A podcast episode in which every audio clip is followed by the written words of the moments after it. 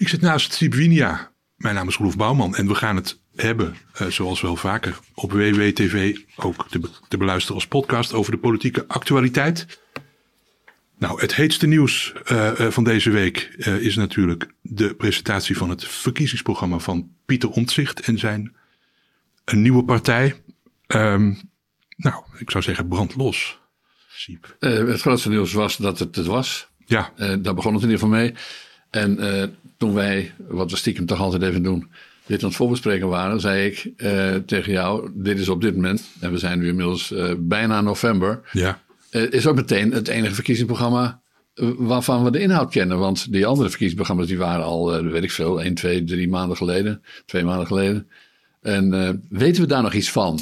ja. Welke Nederlander, welke kijker van WWTV kan spontaan de, de belangrijkste elementen uit het verkiezingsprogramma van de VVD of eh, de GroenLinks PvdA noemen?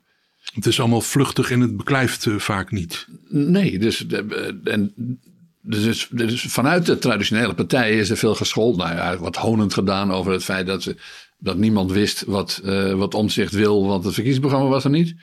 We moeten nu vaststellen dat dit nu het enige programma is waar we van weten waar het uit bestaat. En kijk, van de PvdA weten we nog wel dat ze geen kernenergie willen, maar weten we er voor de rest ook iets? Ik zou het haast niet weten. Nee. Ja, behalve dat het, het idee natuurlijk dat de PvdA altijd wat hogere belastingen eh, en, eh, en hogere uitkeringen wil.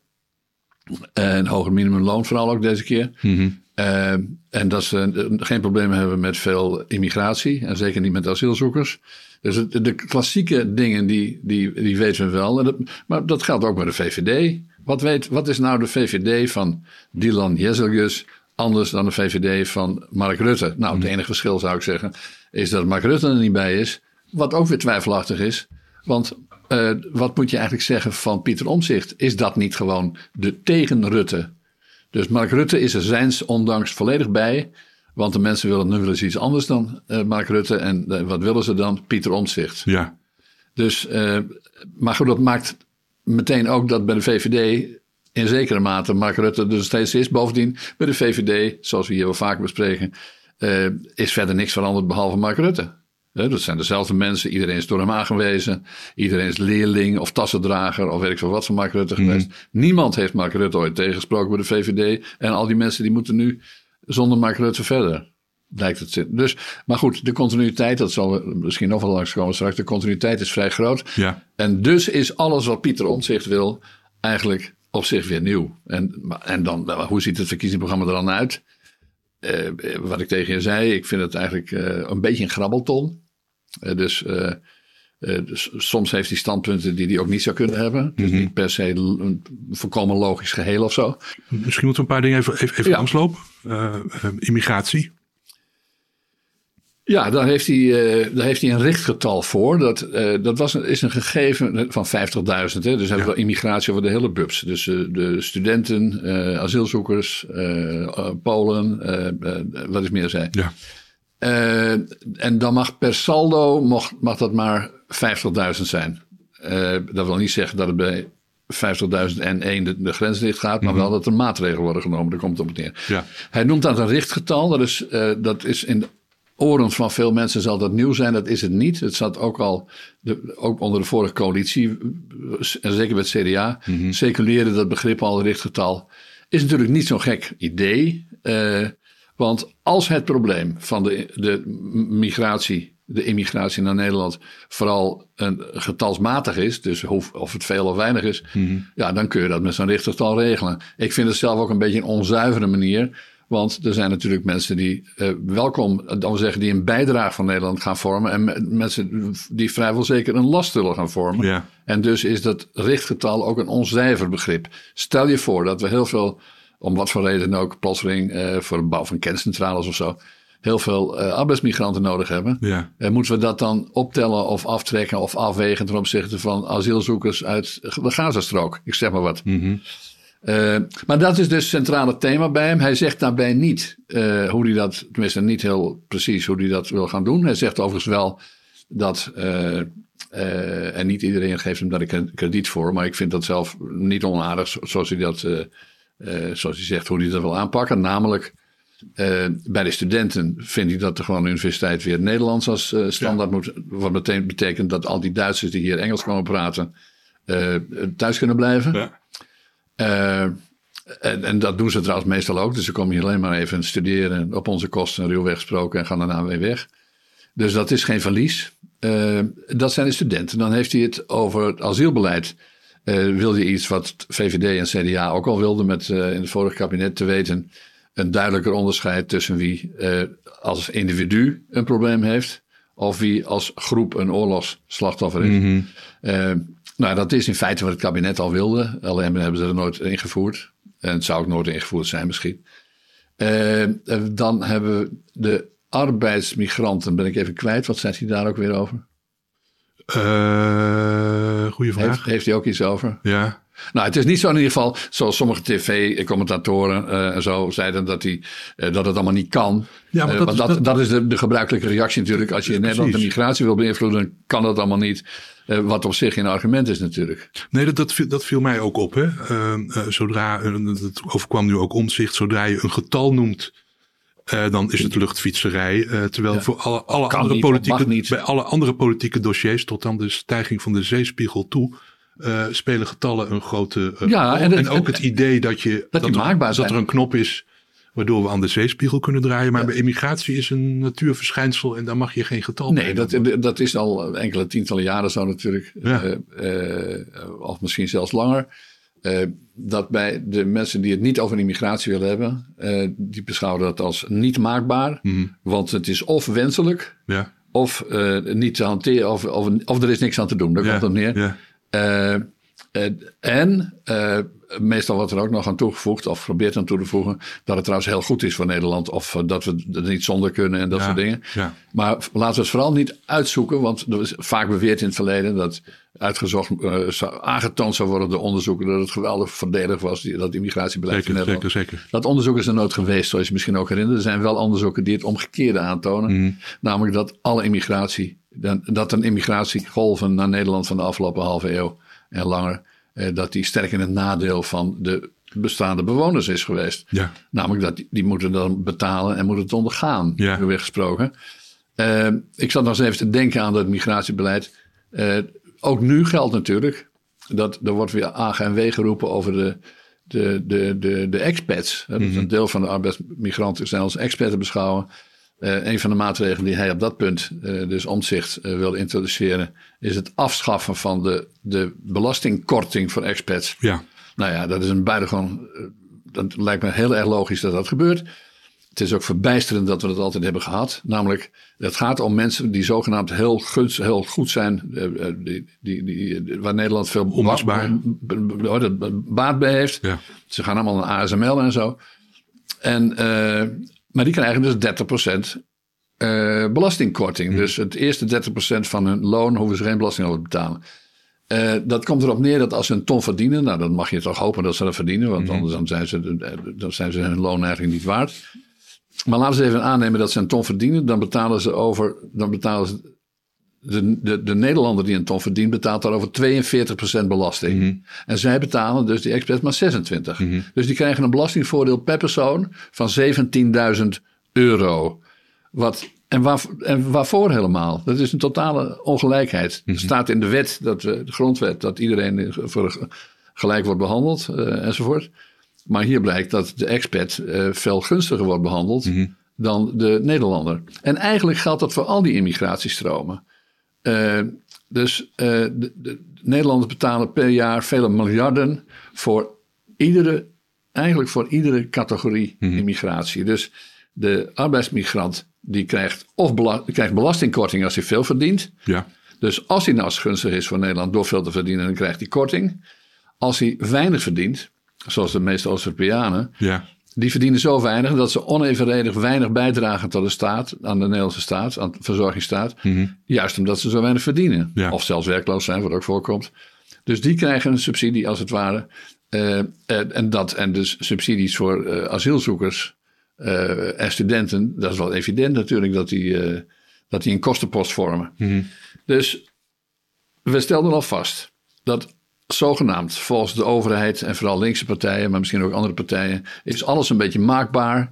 We kunnen het, wat je zegt, het, het, de Noordzeewater kunnen we uh, tot over 50 jaar uh, kunnen we bepalen hoe hoog. Of, nou, dat is trouwens zoals het laatste rapport, ik kan dat ook niet. Maar dan kunnen we in ieder geval het weer regelen voor over 30 jaar. Uh, 0,00036, hè? Nou ja, dat soort dingen. In ieder geval kunnen we vaststellen dat volgens alles en iedereen alles te regelen is. Ja. Uh, inclusief het weer over 30 jaar. Ja. Uh, maar het enige dat niet te regelen is, is de immigratie. Ja. En laten we daar nou van vaststellen dat dat alleen maar geld kost. En dat het een enorme impact heeft. En dat is wel zeker. Ja. Maar het dus alleen maar nadelen heeft. Ja. Tenminste, de uitzonderingen daar gelaten. Maar we kunnen vaststellen dat al die categorieën waar het om gaat. Dus uh, studenten, uh, arbeidsmigranten, hè, mm -hmm. rijk of arm, maakt er niet uit. Ja. Uh, asielzoekers, die kosten de Nederlandse belastingbetaler uh, ja, de, niet alleen veel geld, maar ook vaak uh, de maatschappelijke, maatschappelijke cohesie, kun je zeggen. Ja, en uitgerekend daar mag dus niet over worden gespro gesproken. En als dan Piet, Pieter Omzicht toch met een enigszins serieus oogend plan komt, mm. dan wordt gezegd van het kan niet of mag niet van dat verdrag. Of, en hij heeft bijvoorbeeld ook gezegd, dat is toch een vrij serieuze mededeling, mm.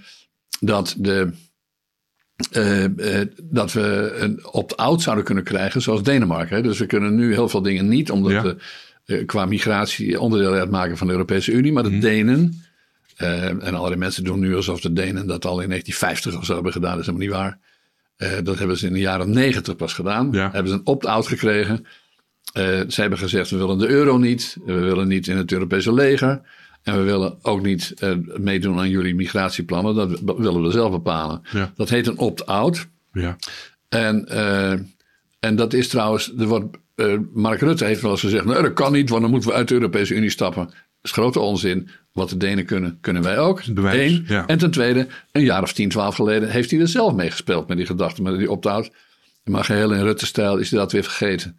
Maar uh, dat is wel interessant dat Omtzigt uh, daar dus uh, over denkt. En het plaatst hem ook een beetje in, in, laten we zeggen, in hoe hij tegen Europa aankijkt. Namelijk Mm. iets waar we niet altijd voorop hoeven te lopen met de, de juichtrompetten en, en zo. Dus hij, een zekere euroskepsis blijkt daar ook uit. Oké, okay, laten, laten we nog even twee andere punten uit het programma van Omtzigt kort kort doornemen. Hij pleit uh, voor constitutionele toetsing, zoals dat heet. Hè. Dus er zou een soort hof moeten komen die uh, toetst of uh, rechten die in de grondwet staan omschreven, of die worden geschonden. Ja. Um, ja, en critici zeggen dan al gauw van dat op deze manier ben je bezig met het overhevelen van macht hè, van de democratisch gekozen volksvertegenwoordiging Ja. naar een benoemde, naar benoemde rechters. Ja. Is dit nou bestuurlijk bestuurlijke vernieuwing? Of, Nou, ik, ik, ik, ik, moet je bekennen, ik, heb, ik ben daar niet helemaal uit. En dat komt ook omdat ik het nooit helemaal tot de, de, diepste gronden van de staatsrecht heb uh, uitge, uitgeplozen. Maar Mm. wat we in ieder geval wel hebben natuurlijk, wat men in andere landen heeft, zoals Duitsland en de Verenigde Staten. Daar heb je grondwettelijke hof. En, en, en Ja. dat zijn machtige hoven, dat is waar. Maar uh, in, wie heeft in Nederland de macht dan wel? Ik bedoel, via de band zit die macht dan bij, de Europese, bij, de, bij het Europese Hof voor de Rechten van de Mens in Straatsburg. Mhm. Is, zijn we dan zoveel beter af? Uh, kun je afvragen. Ja. Uh, kijk, hij, bij Pieter Omtzigt is het denk ik in belangrijke mate ingegeven door het gedoe met de toeslagen. Toeslagenouders, Mhm. mensen die echt overduidelijk door de staat tekort zijn gedaan. Ja. En, en, en uitermate slecht zijn behandeld. Mhm. En die mensen die hebben dus hun, hun, grondwettelijke recht niet kunnen halen, omdat daar geen rechtbank voor is. Ja. Uh, en de Tweede Kamer deed er niks aan. En de Raad van State die deed gewoon mee met het belachelijke beleid van de overheid.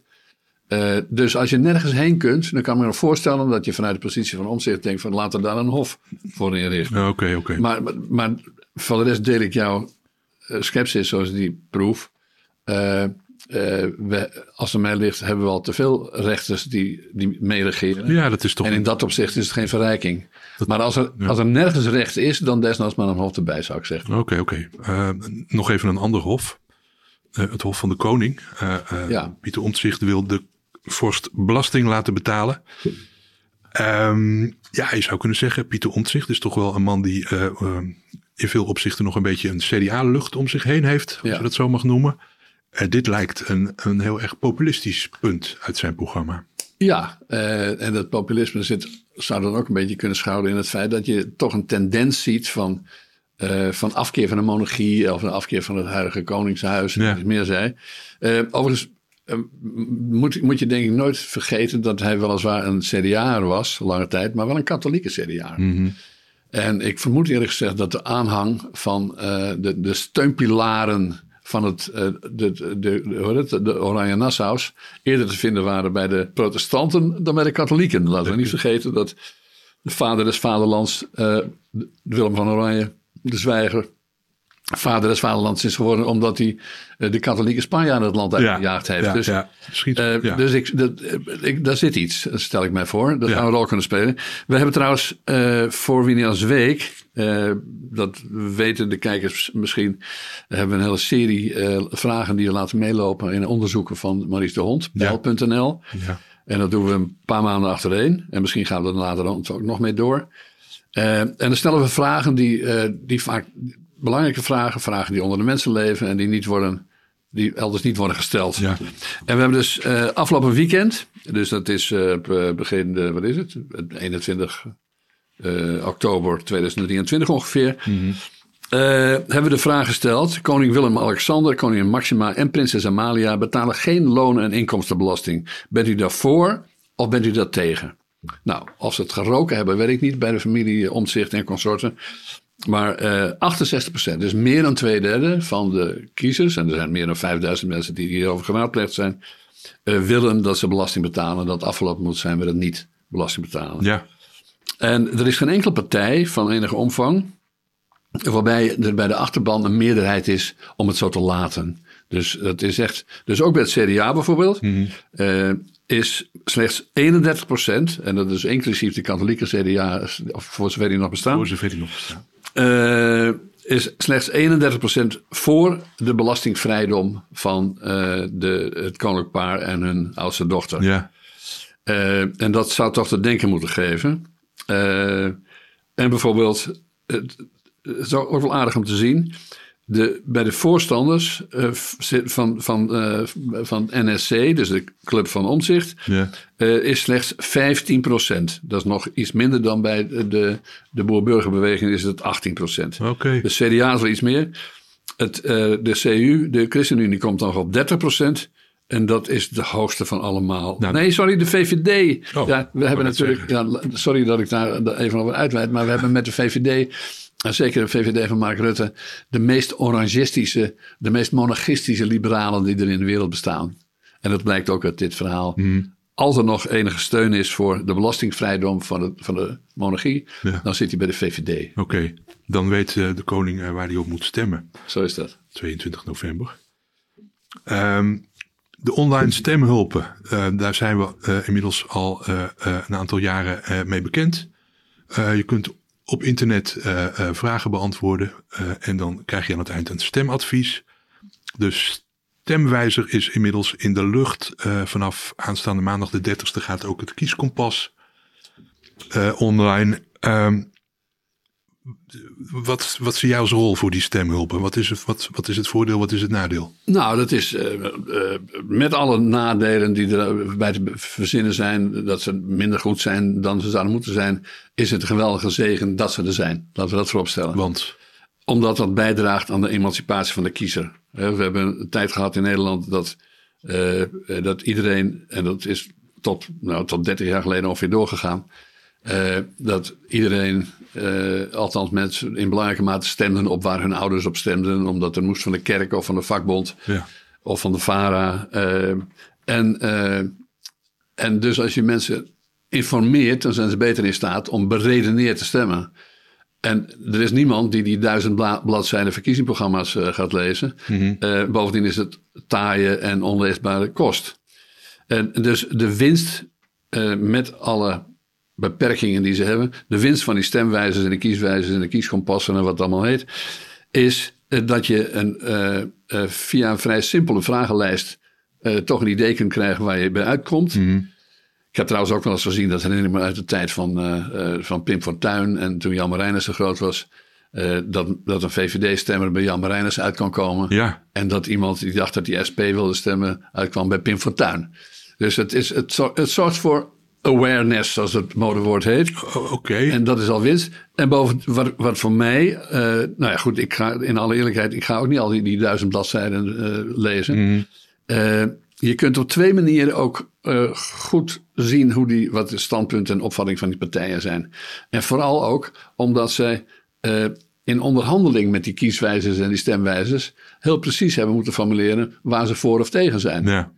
En, en dat geeft een beter beeld van wat een partij wil dan wat ze allemaal sprookjes vertellen in een, in een, in een verkiezingsprogramma's. Ah, Oké, oké. Eh, en er zijn dus twee manieren waarop je eh, erachter kunt komen wat je wilt. Namelijk A, eh, door gewoon die 30 vragen of zo te beantwoorden. En dan heb je een beeld, in alle beperkingen, een beeld van, van, van wat de partij wil. Of waar in ieder geval jij op uitkomt. Wat ik zelf ook heel aardig vind, ook als professional zal ik maar zeggen. Dat is dat je per vraag ook nog kunt kijken. Wat is per vraag eigenlijk het, het standpunt van een je- bepaalde partij? Dat kun je checken. Dat kun je checken, ja. Maar is, dat zou je dan weer een kritische kanttekening uit kunnen noemen.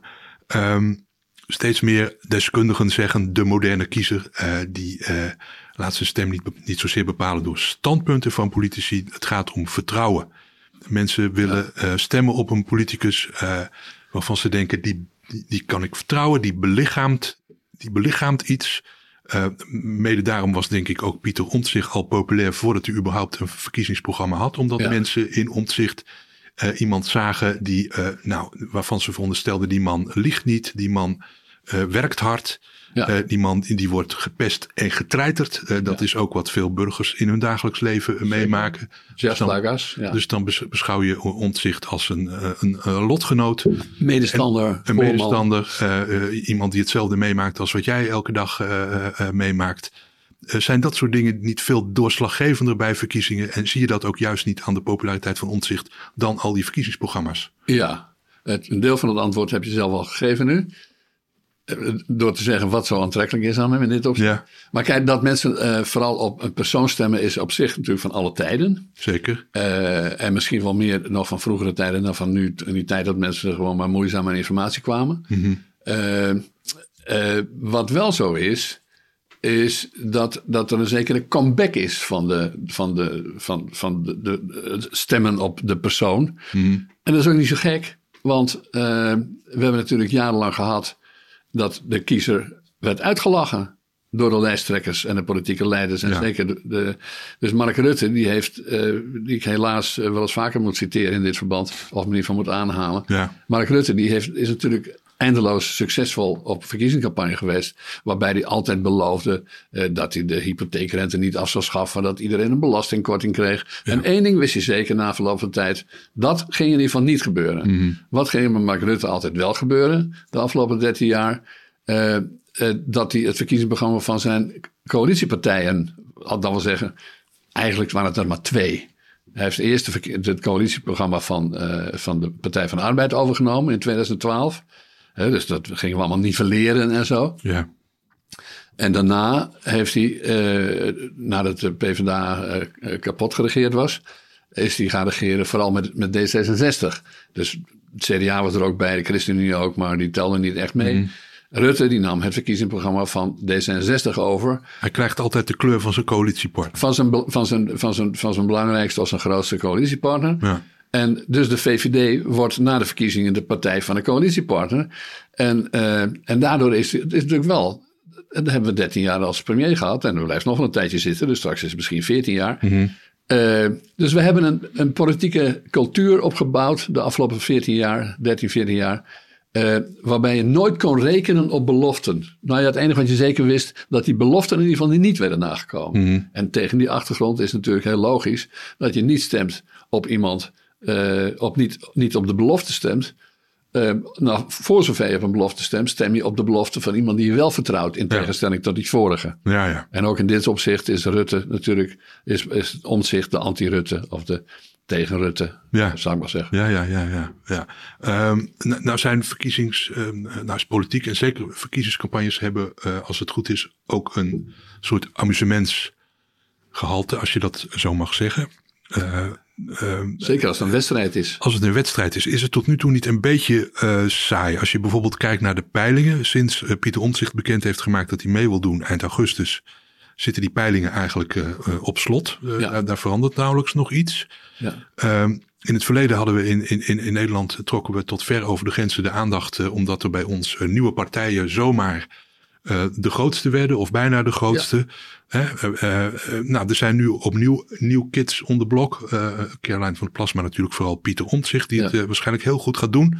Maar het zijn wel weer varianten op de vorige nieuw kids on the block. Hè? dus nou ja, we staan er. Ze zijn heel anders eigenlijk, want vorige, vroeger was het een frontale aanval ja. op het establishment, zou je kunnen zeggen. Fortuyn mm. en zo, ja. Wilders ook. En uh, nou ja, we hebben ook natuurlijk nog even Forum voor Democratie gehad met Baudet. Mm -hmm. uh, dat kun je als een frontale aanval beschouwen van buitenaf. Ja. Uh, wat je nu hebt, is dat het in feite aanvallen van binnenuit zijn. Hè? Want de, Omzicht is, wat is het, een kleine twintig jaar Kamerlid geweest of zo. Voor in eerste instantie voor het CDA altijd. Mm -hmm. van der Plas zat, dacht ik, ook in de gemeenteraad of zoiets voor het CDA. Mm -hmm. En we hebben al eerder uh, in kaart gebracht, jij en ik hier samen, dacht ik ook, dat we in feite uh, dus wel een soort nieuw soort CDA hebben. Zij het eigenlijk meer nog een nieuwe KVP. Dus de, ja. de katholieke volkspartij die vroeger heel groot was en opgegaan is in het, uh, in het CDA. En ook eigenlijk verdwenen is in het CDA. En nu in, in een tweekoppige gedaante weer terug is. En, Dankzij de van oorsprong katholieke Caroline van der Plas en de nog steeds katholieke uh, Pieter Omtzigt. Precies, precies, precies. Maar goed, het, het, maar, dat leidt, maar het, het resultaat voor, voor de verkiezingen, tenminste naar zich wat aanzien, uh, maakt een wat modderige indruk. Ja. Nou, niet, het, het is niet, geen wedstrijd in die zin dat, dat je zegt van nou dit is Ajax Feyenoord. Nou, ik heb het over oude tijden. Hè? Ja, ja. Uh, toen Ajax nog wat was bedoel ik. Ja, o jee. en dus het, het wedstrijdgehalte is, speelt zich misschien wel op een wat ander vlak af. Namelijk uh, gaat de VVD over links of over rechts bijvoorbeeld. Om ja. te noemen. Uh, dus dat is wel een idee dat op de achtergrond speelt. En dat wordt misschien in de laatste weken van de campagne ook nog een centrale thema, eh, een centrale factor gaat worden. Mm -hmm. Maar je kunt niet zeggen dat er nu dat er grote ontevredenheid is. Dat die ontevredenheid is zonder twijfel. Maar die wordt niet uh, bestreden door een door een, een nieuw kid aan de blok, door een Pim Fortuyn of een Geert Wilders of een soort van iemand die het imago van een buitenstaander heeft. Precies, nee, dat is een verschil. En dus, uh, uh, dus we moeten nog zien hoe het uh, sowieso, uiteraard, hoe het zich gaat ontwikkelen. Mm -hmm. Maar inderdaad heb ik nog geen enkele buitenlandse verslaggever langs zien komen, omdat ze bang zijn dat de populisten het over gaan nemen. Want als Caroline van der Plas en Pieter Omzicht al populisten zijn, dan zijn ze ja, wat zal ik zeggen, uh, ongevaarlijke populisten mm bekeken vanuit Brussel en Berlijn. Ja, ja. Nou, dat is een verschil, ja. ja. Uh, uh, nog even over die peilingen. Je weet natuurlijk helemaal nooit zeker of het allemaal klopt. maar als je er van een afstandje naar kijkt, ehm, het centrum-linkse blok, om, dat is misschien ook weer, weer een beetje een discutabel woord, maar als je de, de zeteltallen van Partij van Arbeid GroenLinks, D66, SP, Volt, Partij voor de Dieren en B1 bij elkaar optelt. Dus dat zijn de partijen die in de beleving van de meeste kiezers links van het midden zitten. Ja. Uh, dan was dat in Nederland vroeger uh, een blok van uh, eh, 75 zetels. bij, de, bij de vorige verkiezingen in 2021 waren daar nog 60 zetels van over.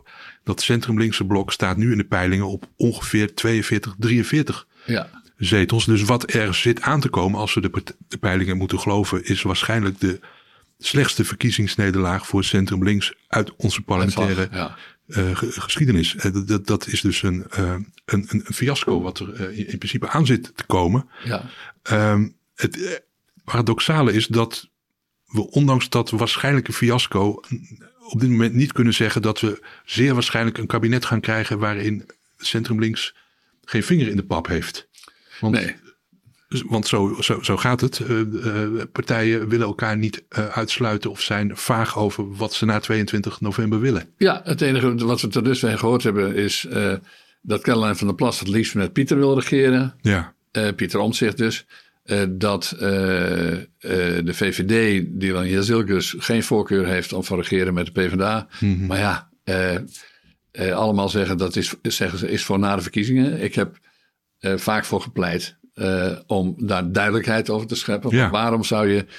eh, dat is ongeveer de belangrijkste keus die, die, die, die de politiek maakt. Met wie ga ik regeren? Dus eh, waarom mogen wij dat niet voor de verkiezingen weten? Ik denk dat. ik bedoel, er zijn al genoeg verkiezingsbeloften die worden gebroken. Dus we weten al nooit wat er gaat gebeuren na de verkiezingen. Laat dan, vertel dan in ieder geval wie je aan de macht wilt helpen, zou ik maar zeggen. Ja.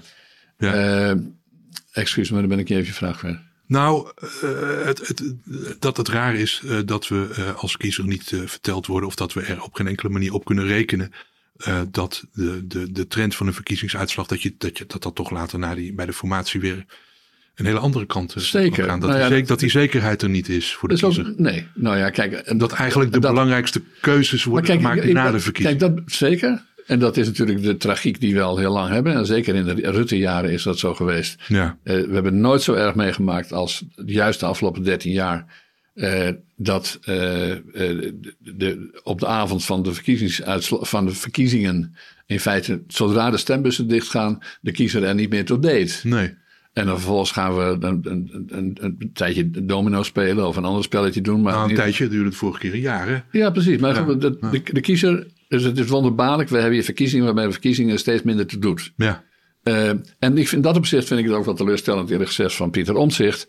Want hij wil toch die nieuwe bestuurscultuur. Hij heeft het begrip geloof ik niet uitgevonden. Maar hij wil toch eh, de, de kiezer en de volksvertegenwoordiging een, serieuze rol geven dan in Nederland de, in de Rutte-jaren en daarvoor ook eh, gebruikelijk is geworden. Dan zou hij dan toch ook als eerste daar helderheid op moeten schaffen. En hij komt ook niet verder dan dat hij, dan dat hij de bestaanszekerheid, dus de sociale zekerheid, eh, dat hij die eh, beter met links kan en de, eh, de migratie beter met rechts. Dus, Ja. ja. en dan ook nog de onduidelijkheid daarbij over wie zijn premierskandidaat eh, is. Ja, dan kan ik me daarbij nog voorstellen, hoe onbevredigend op dit moment dat ook is, eh, dat dat past in een soort, soort, soort, soort strategie van ze, of tactiek, eh, kun je het misschien beter noemen, eh, namelijk om de aandacht vast te houden richting verkiezingen. Ah, we hebben dus zou afgelopen... dat kunnen zijn? Dat er een soort spanningsboog... eh, Nou ja, het is natuurlijk een van de trucs om de, een, een, verkiezing, een goede verkiezingsuitslag te boeken.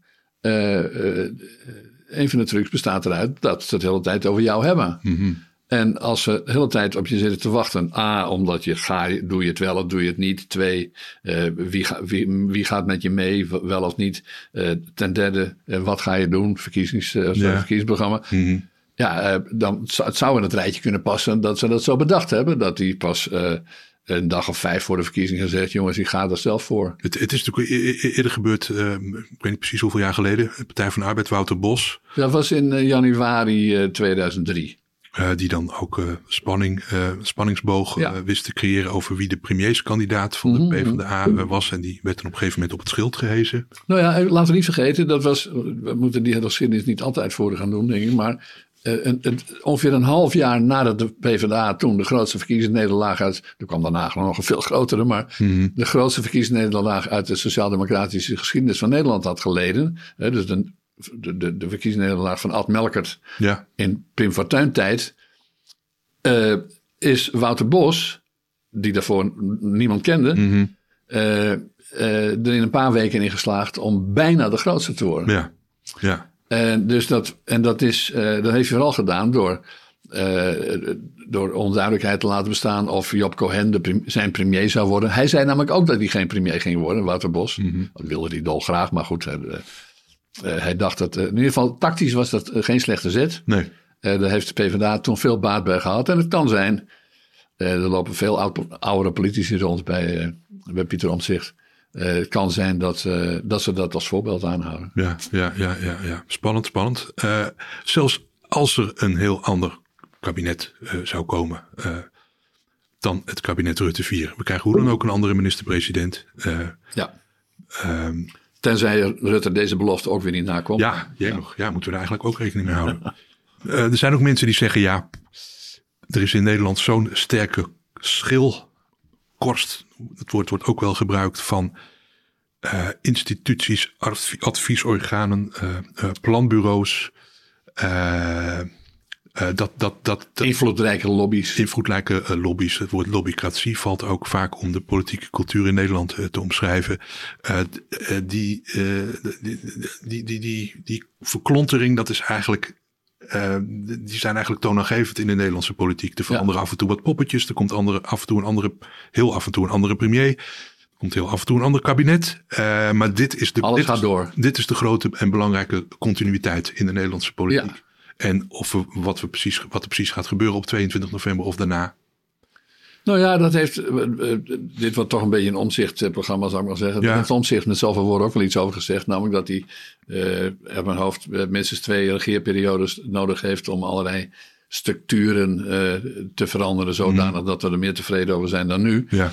Uh, maar in ieder geval, kijk, wat we in vele jaren, maar zeker ook in de Rutte-jaren hebben gezien, is dat wel, wel verkiezingen hebben, maar dat de regering nooit doet wat de mensen willen. Mm -hmm. uh, dus die, die, enquêtes die wij uh, doen, dan het blijkt ook dat de, het zittende kabinet, wat nu demissionaire kabinet, ja. dus de, maar daarmee ook de vorige kabinetten Rutte steeds andere dingen hebben gedaan dan de, de meerderheid van de Nederland, Nederlanders wil. Je hebt net zelf verteld hoe weinig links gesteund wordt door de kiezer. Mm. Maar dat, je kunt aantoonbaar is het overwegend links beleid, veel D66 beleid, ja. dat gevoerd is. Dat heeft natuurlijk niks met democratie te maken. Mm. Ik zal niet zeggen dat, dat je bij iedere verkiezing meteen het beleid volledig moet omgooien. Maar er mag toch wel enige afspiegeling zijn van wat, wat je de volkswil zou kunnen noemen. Mm-hmm. Uh, en wat er dan vervolgens in de Tweede Kamer aan meerderheden wordt geholpen. En die tot regeringsbeleid ja, leidt. ja. Nou, dat is dus niet de gewoonte.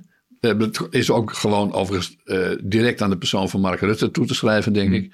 Want die heeft gewoon de afgelopen 13 jaar uh, overwegend links beleid mogelijk gemaakt.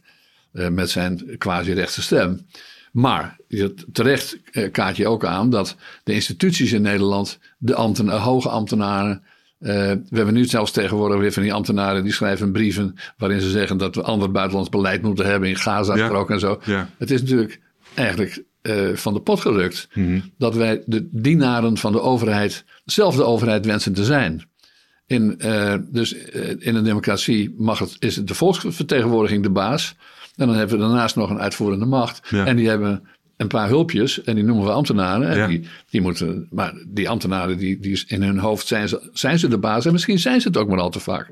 Nou ja, er zijn ook landen waarbij, eh, als zo gauw, zo gauw er een nieuwe regering aantreedt, eh, worden de, wordt het ambtenarenapparaat, of in elk geval de toppen van, eh, Ja, vervangen. dus alleen de typistes mogen blijven zitten. ja, Ja. dat is in Amerika heel gebruikelijk, dacht ik. Ja, maar ook in België bijvoorbeeld. Ik bedoel, het heeft vast ook weer allemaal nadelen, dat geloof ik best. Mhm. Maar het idee, kijk, laten we zo zeggen.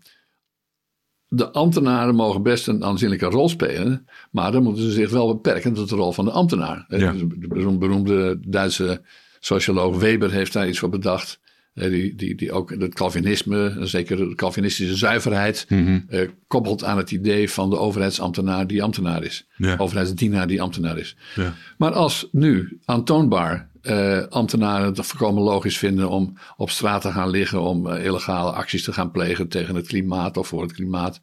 eh, en en, en, en voor, voor Hamas of soortgelijke dingen gaan strijden. Mhm. En we ook nog uit allerlei onderzoek en ervaringen weten dat ambtenaren buitengewoon invloedrijk zijn in dit land. ja. Ja, dan is het ook niet zo vreemd dat er een kloof ontstaat tussen Den Haag en de kiezer. Want ja, als die ambtenaren met al hun adviseurs en met hun eh, adviesorganen en nog de lobby's met wie ze voortdurend dealen en willen eh, een kleffe bende vormen. Ja, dan is het niet verbazingwekkend dat de kiezer zich niet vertegenwoordigd voelt, want die wordt niet vertegenwoordigd. We, we zeiden net, jij zei net, eigenlijk doet Rutte nog steeds mee aan deze verkiezingen, want hij is het, eh, het, het, het antibeeld van wat, wat ontzicht is of wil zijn. Ja, Kun je ook in dit opzicht, die, wat zei je net, kleffe troep, is dat ook niet gewoon Rutte, is dat ook niet de manier waarop Rutte 4 eh na de verkiezingen doorgaat? Nou ja, ten eerste natuurlijk sowieso demissionair nog eindeloos. Daar kun je Mhm. wel donder op zeggen dat het in ieder geval weer maanden gaat duren. Ja. Eh, maar de, eh, zoals meestal in de geschiedenis, maar zeker in de Nederlandse geschiedenis, is de continuïteit groter dan een verandering. Oké. En, dat, en ik vrees dat dat in dit opzicht, dat er ook wel enige desillusie zal gaan ontstaan. Mhm. En, en dat zeg ik terwijl er natuurlijk helemaal niet zoveel beloofd wordt. Hè? Want we hadden het er eerder over. ik heb dat modderig genoemd. Ja. Het aanbod van de vijf grootste partijen ziet er redelijk modderig uit. Die vijf grootste, er zijn dus drie ongeveer even groot. Ja. Dus de, de, de PvdA met, met GroenLinks één. eh willekeurig volgende trouwens. eh, Pieter Omtzigt. Eh, de VVD, dat zijn er dan niet grootste. Dan hebben we eh, de, de, de PVV die wat kleiner is. En dan weer iets kleiner hebben we Caroline van der Plas met BBB. Dus dat zijn eigenlijk de bepalende part- partijen moet je aannemen van, Ja. van de aanstaande verkiezingen. Ja. Eh, nou, de kans dat de PVV weer niet meedoet is, is aanzienlijk. Zeker. Indirect zal, ze- zullen ze wel enige effect hebben. Want de factor migratie is wellicht groter in, in de, in de, bij deze verkiezingen dan de, bij eerdere verkiezingen vaak het geval was. En dat wordt mede gedragen door de PVV, moet je aannemen. Ja. Eh, maar, eh, maar je kunt niet zeggen dat daar nou een dwingend nieuw, zoals het tegenwoordig heet, narratief is. Of zo. Dat er is, je kunt niet zeggen dat er een. eh, dat er een, een, een, dat er vlaggen, ja, er staan wel vlaggen op straat, maar die zijn meestal voor Hamas. Maar, maar, maar vlaggen voor een nieuw beleid Nee. of zo. Dat, ja, een nieuwe sfeer meer, Nee. zou ik zeggen. Oké, oké, oké. Nou, eh, we blijven het volgen. eh, om maar eens een cliché te gebruiken. Ja, je kijkt daarvan op. Ja, Ja. Siep, bedankt. Mhm. Eh, luisteraars, bedankt. Ehm, tot de volgende aflevering van WWTV. En ik zeg er nog één keer bij dat we ook te beluisteren zijn als podcast.